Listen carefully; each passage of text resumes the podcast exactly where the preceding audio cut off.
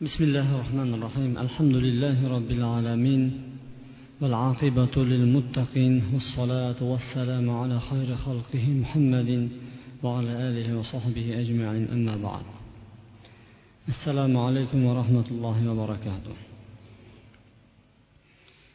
alloh taologa hamda sano payg'ambar sollallohu alayhi vasallamga salovati durudlar bo'lsin alloh subhanava taolo ushbu muborak oylarda qilayotgan ezgu amallarimizni alloh taoloni o'zi dargohida qabul qilgan bo'lsin.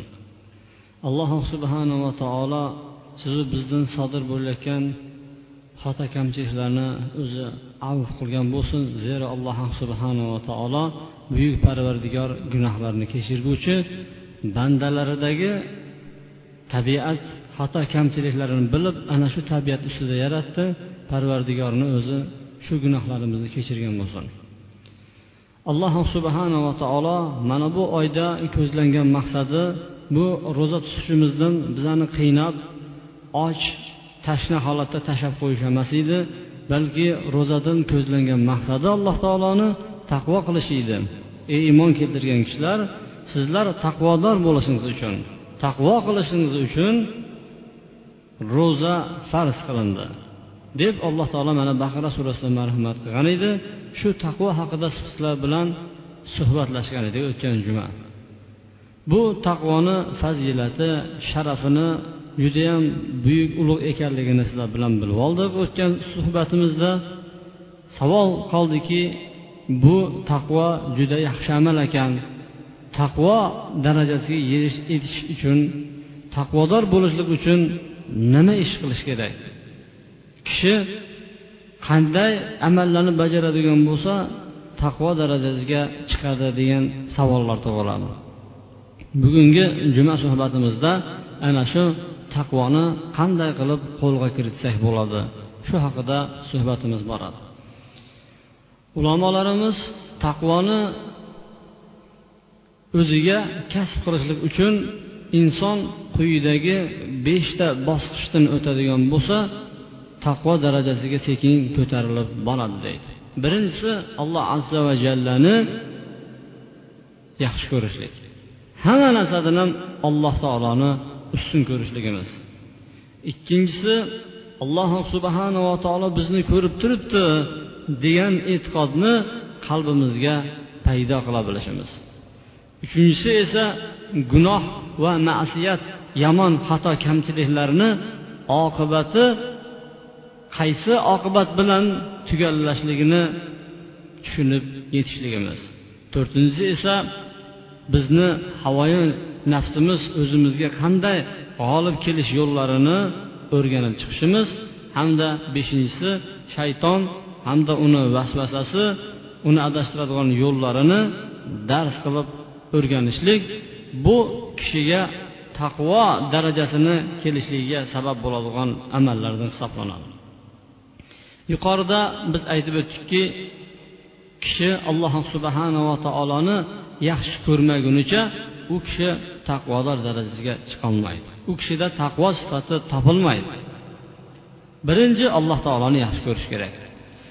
Savol tug'iladiki alloh subhanava taoloni hammamiz ham yaxshi ko'ramizda deb tilimizni aylantirishimiz mumkin lekin bu bilan biz ollohni yaxshi ko'rishligimizni isbotlay olmaymiz alloh taoloni yaxshi ko'rishlik uchun quyidagi amallarni ro'yobga chiqarishimiz kerak. Birinchisi qiroatul qur'on bittadabbur va tafahhum limaanihi qur'oni karimni tilovat qilishlik ma'nolarini tushunib anglab o'rganib tilovat qilishlik bu allohni yaxshi ko'rishlikka sabab bo'ladigan amallarni birinchisi hisoblanadi.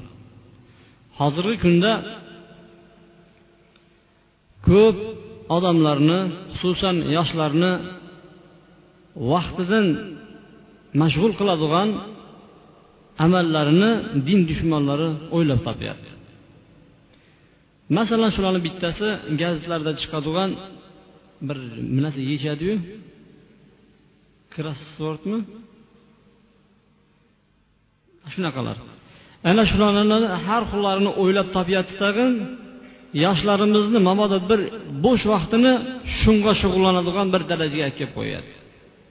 O'zbekistondagi eng birinchi raqs bo'yicha shuhrat qozongan artist ikki ming to'qqizinchi yil eng go'zallar malikasi futbol komandasini boshchisi. Bir kallani ham ishlatmaydi aql ham yurib ketmaydi bu bilan biron bir narsa bo'lmaydi shuni topib chizib o'tirishadi. Qur'on eshitish yoki bo'lmasa qur'on o'qishni mana shuni o'rniga qo'yadigan bo'lsa ularda allohga nisbatan muhabbat topilgan bo'lardi. Bu bilan iymon ham kuchaymaydi bir odamni dini emas dunyosi ham o'smaydi u gazlarni boyagi joydan to'ldirgandan keyin. Quruq odamlarni vaqtini bekorchi narsalar bilan o'tkazishlik. Yana bir bir bo'lagi bo'ladi. Sevishganlar ajrashganlar mandan ibrat anglar man bilmasdan xato kamchilikka yo'l qo'yib qo'yibman sizlar ham shu ko'chaga kirmanglar. Bu ko'chalarni barini alloh taolo bizlarga bayon qilib qo'ydi. U ko'chalarga kirib qaytib kelayotgan odamlarni o'rganmaymiz. U ko'chalarni yaratgan zotini o'rganamiz bizlar. Mana shunga o'xshagan narsalar bilan ovora bo'lib o'tiramiz. U ham uni ustiga kelgusi sonda davomi deb qo'ysa bo'ldi. Shuni kutib yuraveradi. Biz qur'oni karimni bo'sh bo'ldi deganda o'qiyverishimiz kerak. Yoki cho'ntaklarimizga qur'oni karimni ma'nolari yozilgan kitoblar chiqqan. Ammo borasini misoliga ma'nosi tafsiri mazmuni degan mayda kitoblarni savol oladigan bo'lsa bo'sh bo'ldikmi shuni o'qiylik qur'oni karim shunaqa bir mo'jiza kitobki uni bitta o'qigan odam shunday tushunib ketavermasligi mumkin. Alloh subhanava taolo qur'oni karimni o'zidan qo'rqadigan kishilar uchun rahbar qildi. Hudallil muttaqin bu kitob taqvodorlar uchun yo'lboshchidir dedi. Bundoq qarab turib qur'oni karimni tarjimasini o'qib turib odam ketaverishi mumkin. Lekin bu bu yerda nima demoqchi bo'lyapti? Qayta qayta o'qib turib ma'nosini tushunib uch to'rt marta besh olti marta yetti sakkiz marta bitta oyatni o'qing bu oyatda nima deyilmoqchi o'zi? Alloh taolo nimaga chaqiryapti bunda masalan shunday bir oyatlar kelishi mumkinki alloh subhanava taolo uchqur otlarga qasam ichadi. Otlarga qasam. Tuyog'i bilan taqillatib ketayotgan otlarga qasam. Nima uchun otga qasam ichyapti?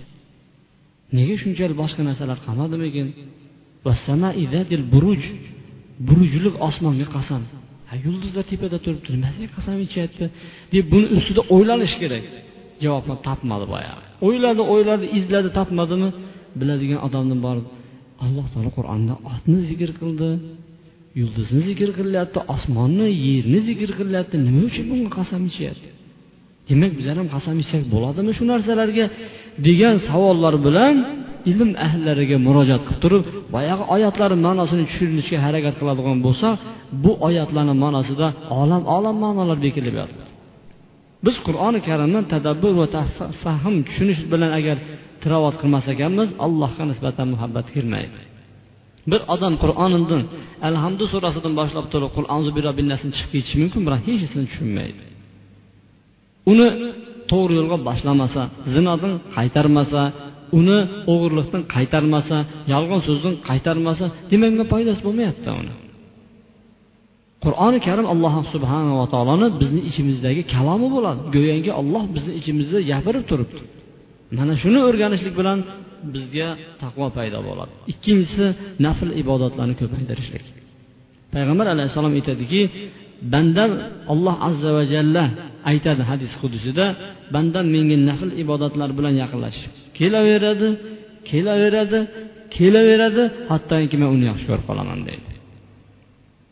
Nafl ibodatni qilmagan odamni alloh subhanava taolo yaxshi ko'radi lekin olloh nafl ibodat qilgan odamni ko'proq yaxshi ko'radi. Bir odamga ish tayinlangan. Mana yuzini supurib qo'yasiz tag'in to'rt qop unni aytkab qo'yasiz deb buyurilgan ikkinchi odamga ham shu narsa buyurilganu lekin u aytilgan ishdan ko'proq ishni bajarib qo'ygan. Tozalab qo'ygan tozala demagan joylarni ham tozalab qo'ygan hamma yoqni judayam tartibga keltirib qo'ygan. Ishini buyurgan odam qaysi birini yaxshi ko'radi? Qo'shimcha amallarni qo'shib bajaradiganni yaxshi ko'radi. Demak nafl namozlar mana ramazon tugagandan keyin shavvolni oltitasi ro'zasi keladi. Undan keyin nafl ibodatlar nafl namozlar nafl sadaqalar mana shularni odam ko'p qilib yurishlik bilan alloh subhanava taoloni muhabbatiga sazovor bo'ladi tag'in keyin inson borib taqvo darajasiga chiqadi. Uchinchisi tilimizni alloh subhanava taoloni zikri bilan tez tez namlab turishimiz. Ya'ni ko'proq allohga tasbeh zikrlarni aytishligimiz bu allohni muhabbatiga sazovor bo'ladigan amallarni navbatdagisi bo'ladi. Hamda alloh taoloni to'qson dan ko'proq ism va sifatlari bor.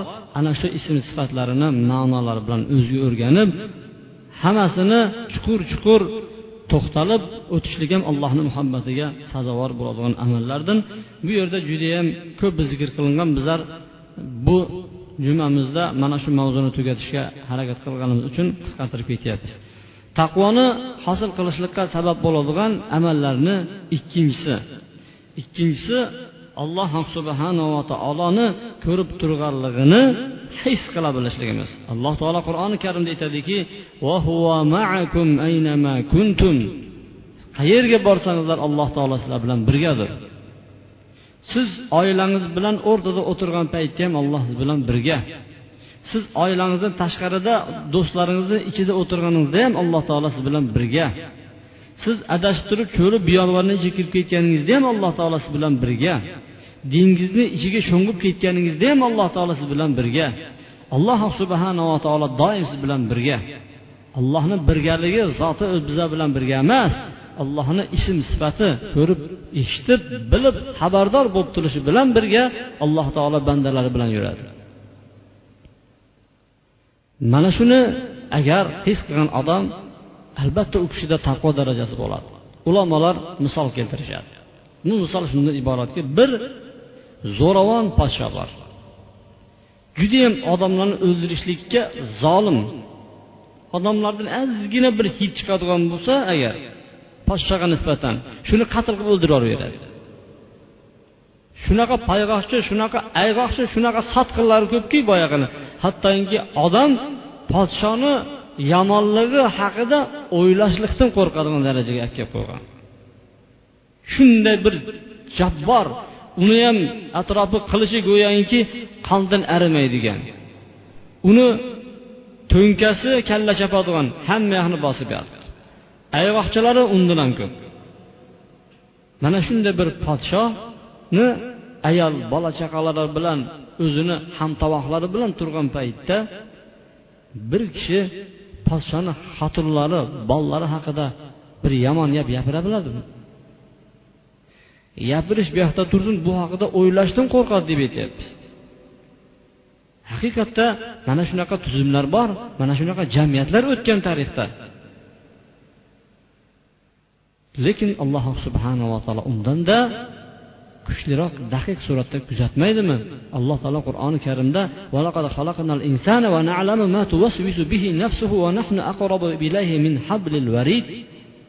insonni biz yaratdik va insonni ichki kechinmalarini ham biz bilamiz deydi. Qalbida nima vasvasalar o'tayotganini biz bilamiz deydi. Hali unaqa apparatlar chiqqan emas va bunaqa apparatlar chiqmaydi ham.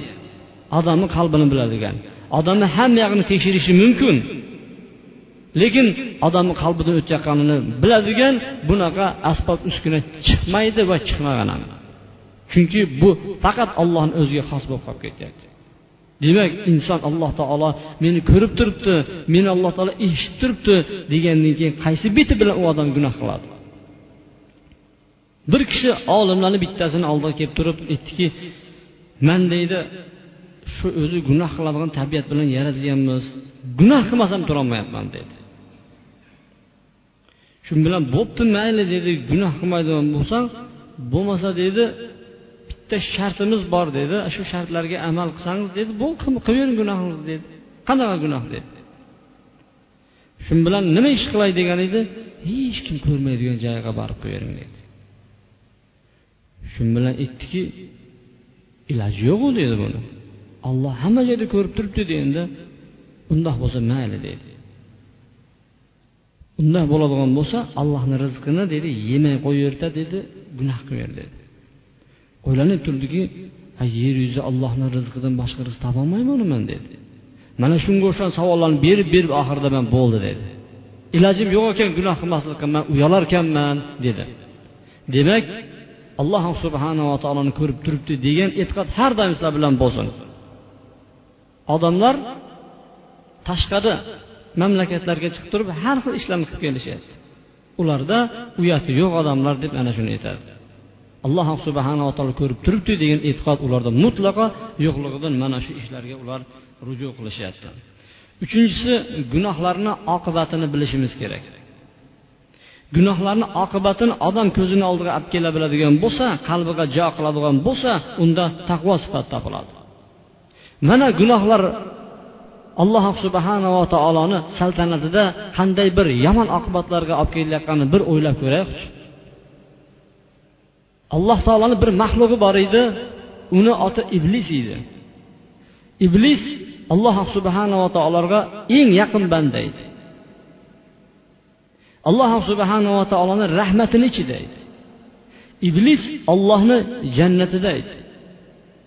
Allohni rahmatidan uzoq qilgan narsa nima bo'ldi? Gunoh bo'ldi. Allohga yaqin bo'lgan bandani uzoq qilgan nima bo'ldi? Gunoh bo'ldi. Ne'matlarni ichida huzurlanib yurayotgan iblisni ollohni dargohidan quvilishlikqa sabab nima bo'ldi? Gunoh bo'ldi. Iblis shunaqa bir chiroyli kelishgan bir maxluq edi. Uni badbashara badxulq ko'rinishini iflos qilgan narsa nima bo'ldi? Gunoh bo'ldi. Yer yuzini butun barini to'fon suvi qoplab turib odamlarni g'arq qilishlikka sabab bo'lgan nima bo'ldi? Gunoh bo'ldi. Samud avt qavmlarini ichiga har xil bo'ronli shamollaru qichqiriqlar bilan yo'qotib yuborishlikqa sabab nima bo'ldi? Gunoh bo'ldi. Yerni ko'tarib turib osmonga olib chiqib hattoki itlarni hurganini mollarni bo'kirganini eshitadigan darajagacha yuqoriga olib chiqib turib farishtalar yerni pastga qarab turib urishlikqa sabab nima bo'ldi? Gunoh bo'ldi. Ustilariga soya olib kelgan bulutliq soyalarni olib kelib turib ichidan o'tlarni yog'dirib yuborgan qavmlarga sabab bo'lgan narsa nima bo'ldi? Gunoh bo'ldi. Man hammangizlarni oliy robbingizlarman man yer yuzini podshosiman deb turib ne'matlarni ichida shunaqa bir bog'u rog'larni ichidan olib chiqib olib chiqib olib chiqib qizil dengizga g'arq bo'lishlikka sabab nima bo'ldi? Gunoh bo'ldi. Yer yuzida hech kimga berilmagan boyliqlarni ichida turgan qorunni yerga kirib ketishligiga sabab nima bo'ldi? Gunoh bo'ldi. Payg'ambar sollallohu alayhi vasallamni sevikli amakisi bo'lib turib muhammad alayhissalom tug'ilgan paytda o'zini eng yaxshi cho'risi suvaybani ozod qilib yuborgan. Hamda muhammad alayhissalom tug'ilishi bilan juda katta qurbonlik qilgan abu lahabni do'zaxda lovullab yonishligiga sabab nima bo'ldi? Gunoh bo'lmadimi? Mana shunday gunohlarni oqibatini inson bilib alloh subhanava taolodan qo'rqishlikqa sabab bo'ladigan amal mana shu bo'ladi. Demak bir gunoh qilayotgan paytda gunohlarni oqibatini o'ylayib diniy hamda dunyoviy oqibatlari yomonligini bilgan odam u albatta gunoh ish qilmaydi. U kishida taqvo sifati topilib boraveradi. Hamda taqvo sifatini qo'lga kiritishlikka sabab bo'ladigan amallarni navbatdagisi odam o'zini aytganini tinmay bajaravermaslik kerak. Havoyi xohishi boshiga nima keldi? Ko'ngli nimani tutadi? Barini bir chetdan qilib ketaveradigan bo'lsa bu odamga bilingki taqvo sifati topilmaydi.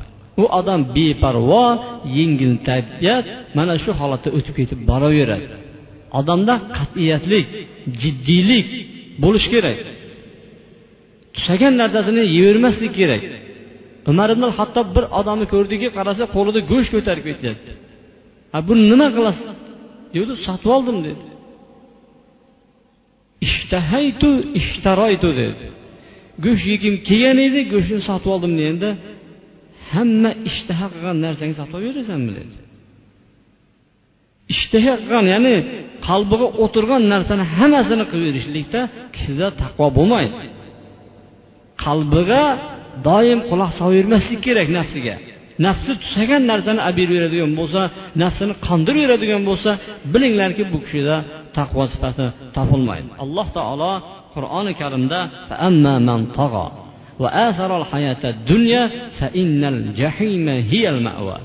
kim tug'yonga ketsa chegaradan chiqib ketsa alloh subhanava taoloni farzlaridan o'tib harom bo'lgan chegaralardan chegaradan chiqib ketadigan bo'lsa jahannam jahim do'zax uni haqiqiy qarorgohi bo'ladi dedi.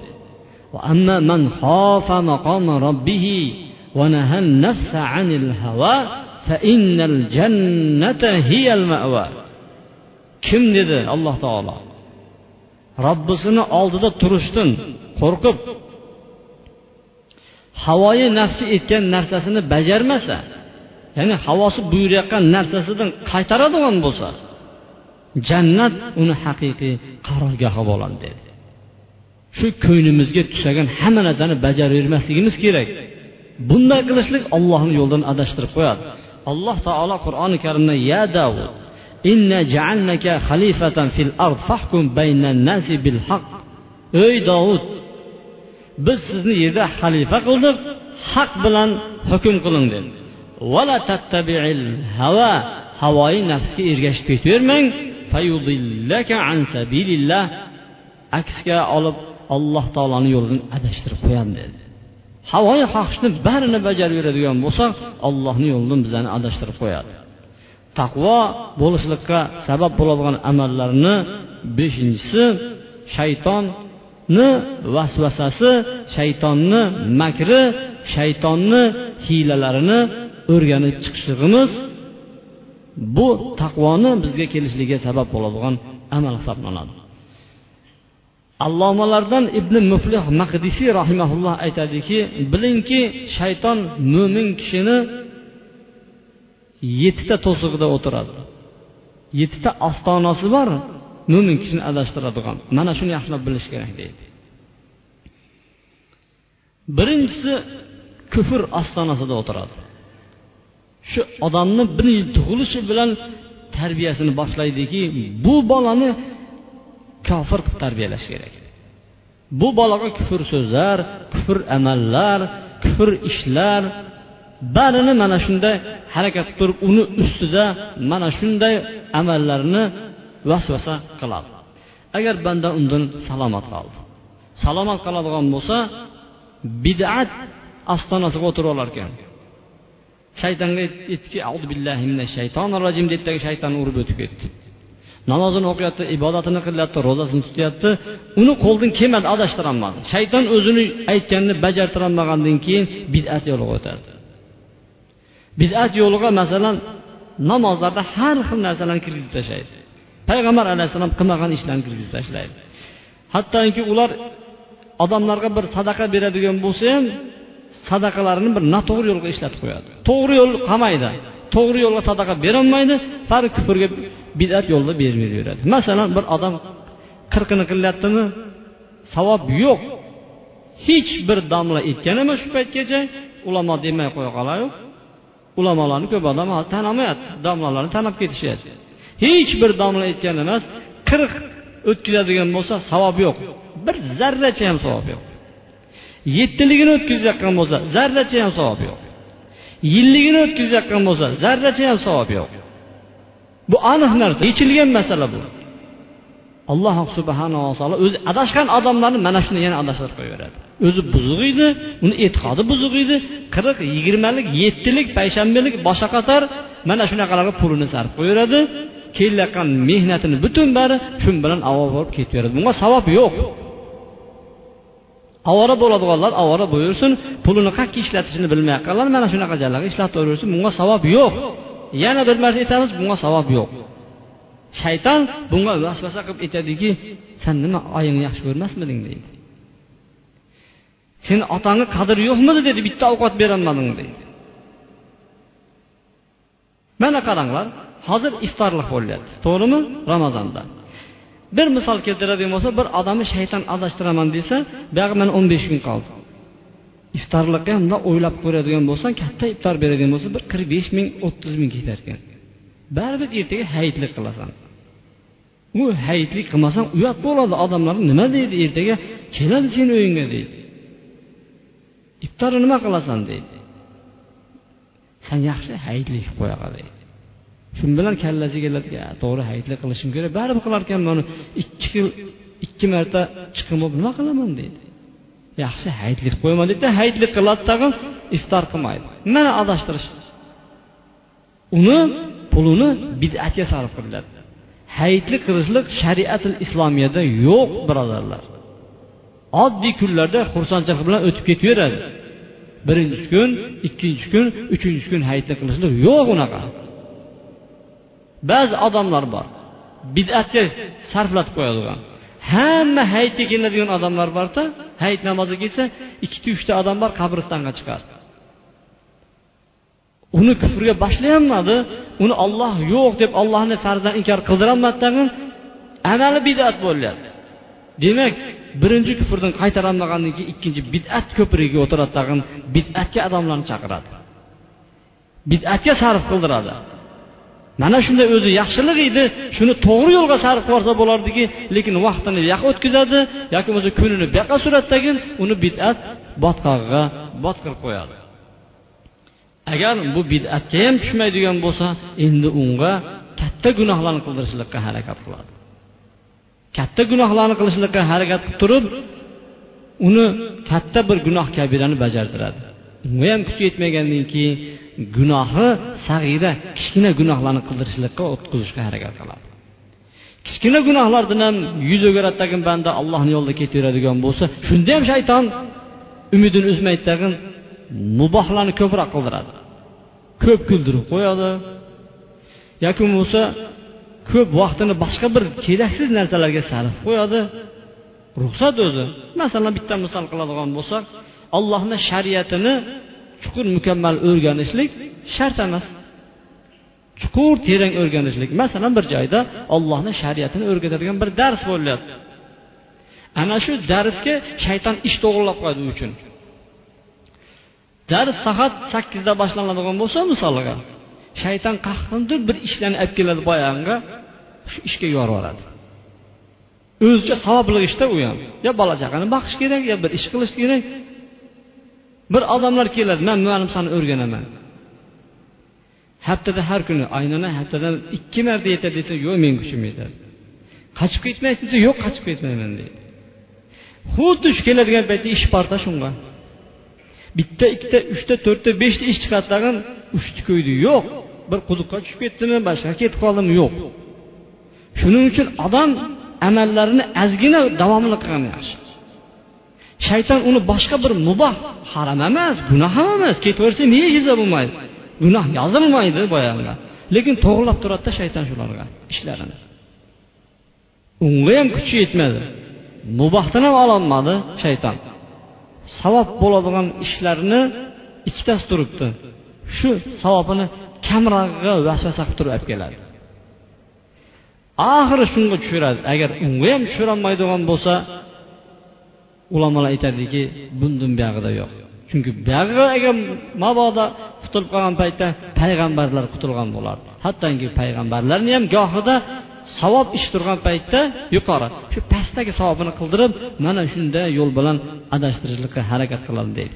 Demak inson taqvo darajasiga chiqaman deydigan bo'lsa quyidagi beshta amalga o'zlariga mujassam qilishga harakat qilishsin. Birinchisi allohga nisbatan muhabbat paydo qilsin. Ikkinchisi alloh subhanava taolo ko'rib turibdi degan e'tiqodni paydo qilsin. Uchinchisi gunoh ma'siyat haromlarni oqibati nima bilan yakunlanishini yaxshilab bilsin. To'rtinchisi havosiga ergashmasin.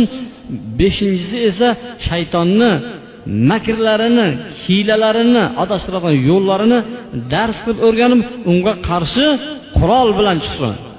Bu qurol auzu billahi minash shaytonir rojim payg'ambar alayhissalom davrida ikkita odam urushdi. Qizarib bo'yin tomirlari shishib ketganda aytdiki man bir kalimani bilaman dedi. Agar shu yetadigan bo'lsa boyoqqa ketadi dedi. U auzu billahi minash shaytonir rojim dedi. Demak shaytonga qarshi kurashimiz bizani qurolimiz auzu billahi minash shaytonir rojim bir yomon ish ko'rsangiz bormi? Audu billahi minash shaytonir rojim deyish kerak masalan bir shayton o'tib qoldi deyu bir qip yalang'och yarim yalang'och desilgan buyuradi. Shunaqa o'tib qolganda voya degan yaxshi emas. Buki shaytonlarni chaqiradi bu ishlar. Shunda ko'rdingizmi? Billahi minash shaytonir rojim ya'ni u shayton demayapmiz. O'rtaga tushayotgan vasvasa qilayotgan shaytondan uzoq bo'lyapmiz. Bir yomon bir badbashara bir narsa ko'rib qoldingiz.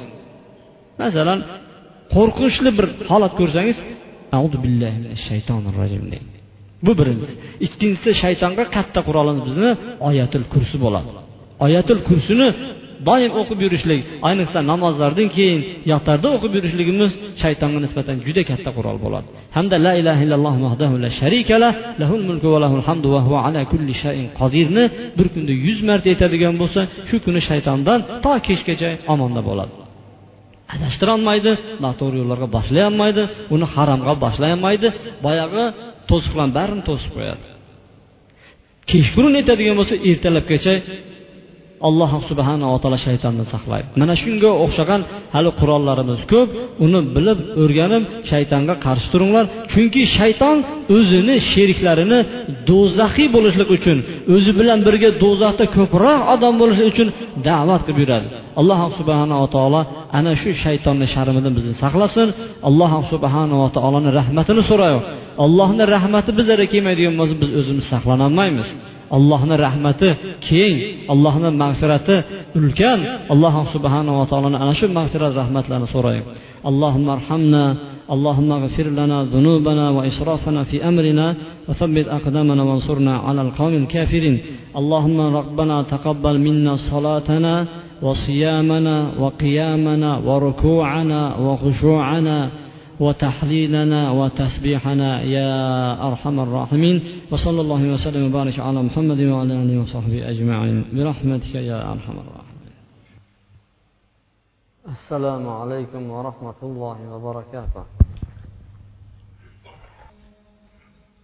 إن الحمد لله نحمده ونستعينه ونستغفره ونعوذ بالله من شرور أنفسنا ومن سيئات أعمالنا.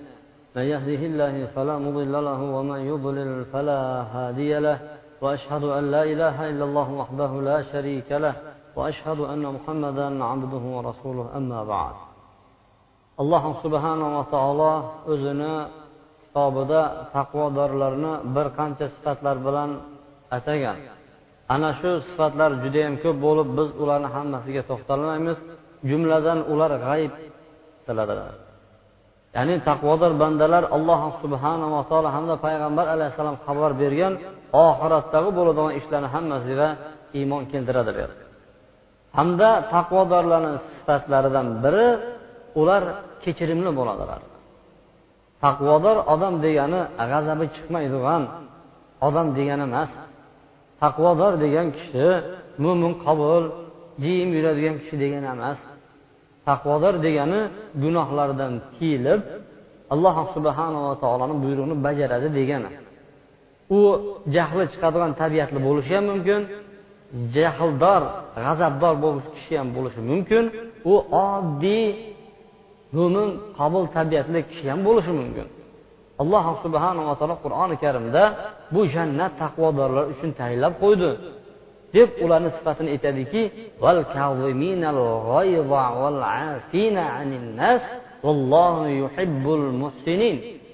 g'azablari kelgan paytda g'azabini yutadigan hamda odamlarni kechirib yuboradigan va hamda alloh subhanava taolo ularni yaxshi ko'radigan kishilar bo'ladi dedi u tarixda bir badjahl odam bor edi quli bor edi tagin shu quli bir taom olib kelib turib oyog'i qaqilib ketdi sindiru sinib ketuvdi.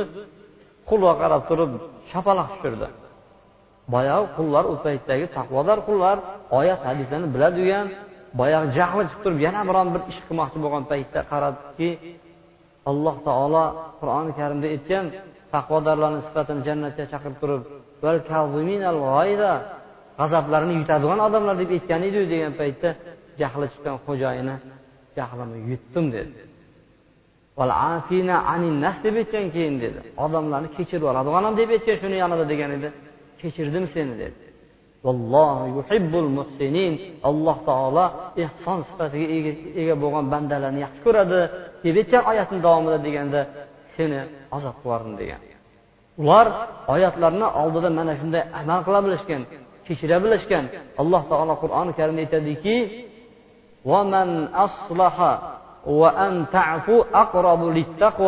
agar sizlar kechira bilsangizlar avf qilsangizlar bu kechirimlik taqvoga yaqinroqdir dedi. Demak bir odam taqvo sifatiga ega bo'laman deyotgan bo'lsa g'azabi chiqqan paytda jahli chiqqan paytda yutsin. Yutishlik bilan u kishi taqvo darajasiga chiqarkan. Alloh subhanava taolo bizlardan taqvodor bo'lishimizni xohlagan ekan. Bu taqvoni hozirga ham mana shu dunyomizga ham va kelajagiga ham bu meva berar ekan. Hozirdagi mevalar judayam ko'p bo'lib turib biz ozginasiga to'xtalamiz. Birinchisi qiynalib turgan paytda alloh taolo shu qiynalganini chiqarib qo'yar ekan. Bir narsadan xafa bo'lib turgan bo'lsa xursand qilib qo'yar ekan. Bir narsa yetishmay turgan bo'lsa alloh taolo uni to'ldirib qo'yar ekan. Hamda u o'ylamagan tomonlardan rizq berar ekan. Alloh taolo qur'oni karimda kim ollohdan taqvo qilsa undan chiqib ketadigan yo'l qilib qo'yadi. Dunyoda ham oxiratda ham qiynalib turgan narsasidan alloh taolo chiqarib qo'yadi. U o'ylamagan tomondan rizq keladi deydi taloq surasida. Hamda taloq surasida alloh taolo xabar beryaptiki kim taqvo qiladigan bo'lsa ishini hammasi yengillashib ketaverar ekan hozirgi kunda odamlar bor bir ish qiladigan bo'lsam qo'lim bormayapti deydi. Qilaman deydi natija berayotgani yo'q deydi dam solib qo'yingchi deydi. Damni o'zingizga san. Siz oldinda taqvodor bo'ladigan bo'lsangiz sizga dam kerak emas. Dam o'zingizda turibdi. Avvalambor allohdan taqvo qilsangiz alloh taolo aytyaptiki kim ollohdan taqvo qiladigan bo'lsa alloh taolo uni ishlarini o'nglab qo'yadi. Qanaqa nima ish qiladigan bo'lsa qo'li ish qaysi ishga boradigan bo'lsa bitaveradi ozgina tegib ketsa ham ishi oldinga qarab yurib ketaveradi hamda ozgina ish qiladigan bo'lsa ham alloh taolo baraka beraveradi kim taqvo qiladigan bo'lsa baraka osmondan ham yerdan ham ikkala tomondan ham urib turar ekan. Alloh taolo qur'oni karimda marhamat qilib aytadiki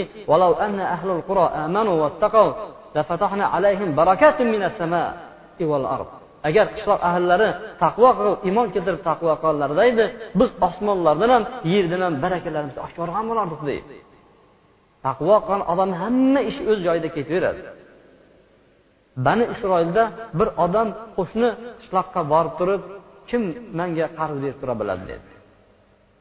Shu bilan qancha deb aytgan edi? Ming dinor dedi. Ming dinor hozirgi bizni pulimizda nechi millionlarni tashkil qiladi. Ming emas nechi millionlarni tashkil qiladi. Taxminan bir kiloni to'rga bo'lsa qancha bo'ladi? Ikki yuz ellik gramm oltin. Ikki ikki kilayu besh yuz gramm oltin qancha bo'ladi? Ikki kiloyu besh yuz gramm oltinga to'g'ri keladi ming dinorini ana shu ming dinorni so'ragan paytda beradigan odam chiqqan ekan. Hozirgi paytda ming tanga so'rab ko'ringchi beradigan odam topa bilasizlar. Topolmaysiz ishonavering unga. Shunaqa bir zamonda yashayapmiz bizlar yolg'onchi kazzob bir birini qalpog'ini shapkasini kiygizib ketgan mana shunaqa zamonda yashayapmiz qarz so'raydigan odamni hidini bilamiz hozir bizlar uzoqdan qochib yuradigan bir zamonda yashayapmiz bergan paytda ololmaydigan bir zamonda yashayapti. Bani isroildagi boyagi aytdiki mayli beraman dedi. Guvoh keltiring dedi. Shunda qarab aytdiki alloh taolo dedi eng yaxshi guvoh emasmi? dedi. Bu hadis abu hurayradan rivoyat qilingan imomi buxoriyda uchta bobida keltirilgan hadis hisoblanadi. Guvoh bormi? degan edi. Ollohni o'zi guvoh dedi. Bo'pti mayli olloh guvoh bo'lib turibdi. Kim kafolatga o'tadi berishga dedi. Kafolat degani tushunmaydigan bo'lsa garantga kim o'tadi dedi. Bilan aytdiki ollohni o'zi chiroyli kifoya qiluvchi emasmi bizlarga dedi. To'g'ri aytasan dedi. Eng yaxshi guvoh olloh eng yaxshi kafil bu ollohdir deb tagin ming dinorni berib yubordi ming dinorni oldidagi o'zini hojatlari bilan ketdi. Falon falon kun qaytarishlikqa ikkalasi kelishdi. Vaqt soati bitgandan keyin ming dinorni topib turib dengizni chetiga keldi. Dengizni u tomonida turardi biron bir markab topmadi biron bir kema topolmadi o'tishlik uchun harakat qildi izladi yugurdi bo'lmagandan keyin allohga qarab turib yolvorib duo qildiki ey ollohim dedi. Man falon bir birodarimdan dedi qarz olayotgan paytda guvoh so'ragan edi seni guvoh qilgan edim dedi.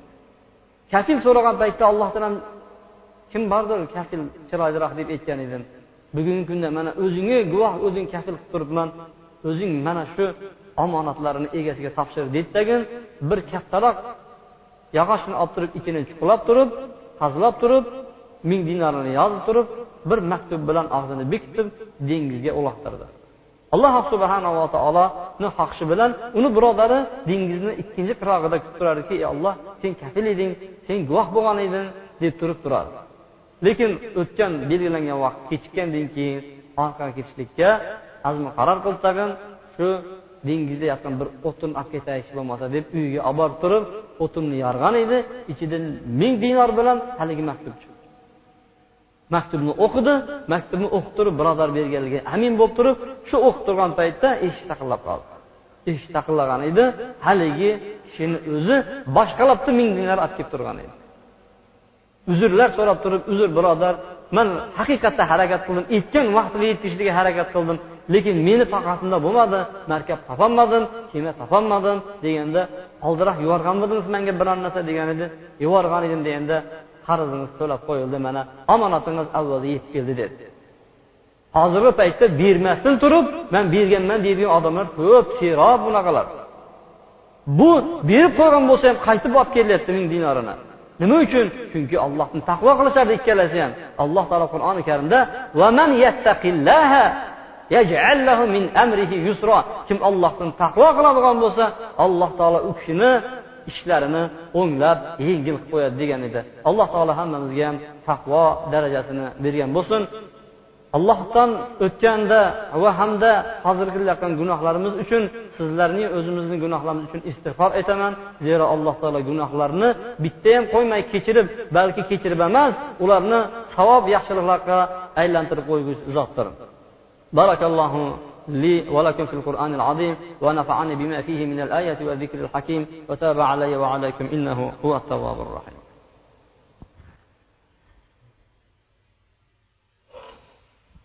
الحمد لله رب العالمين والعاقبة للمتقين والصلاة والسلام على خير خلق الله محمد وعلى آله وصحبه أجمعين. اللهم صل وسلم وبارك على محمد وعلى آل محمد كما صليت على إبراهيم وعلى آل إبراهيم في العالمين إنك حميد مجيد.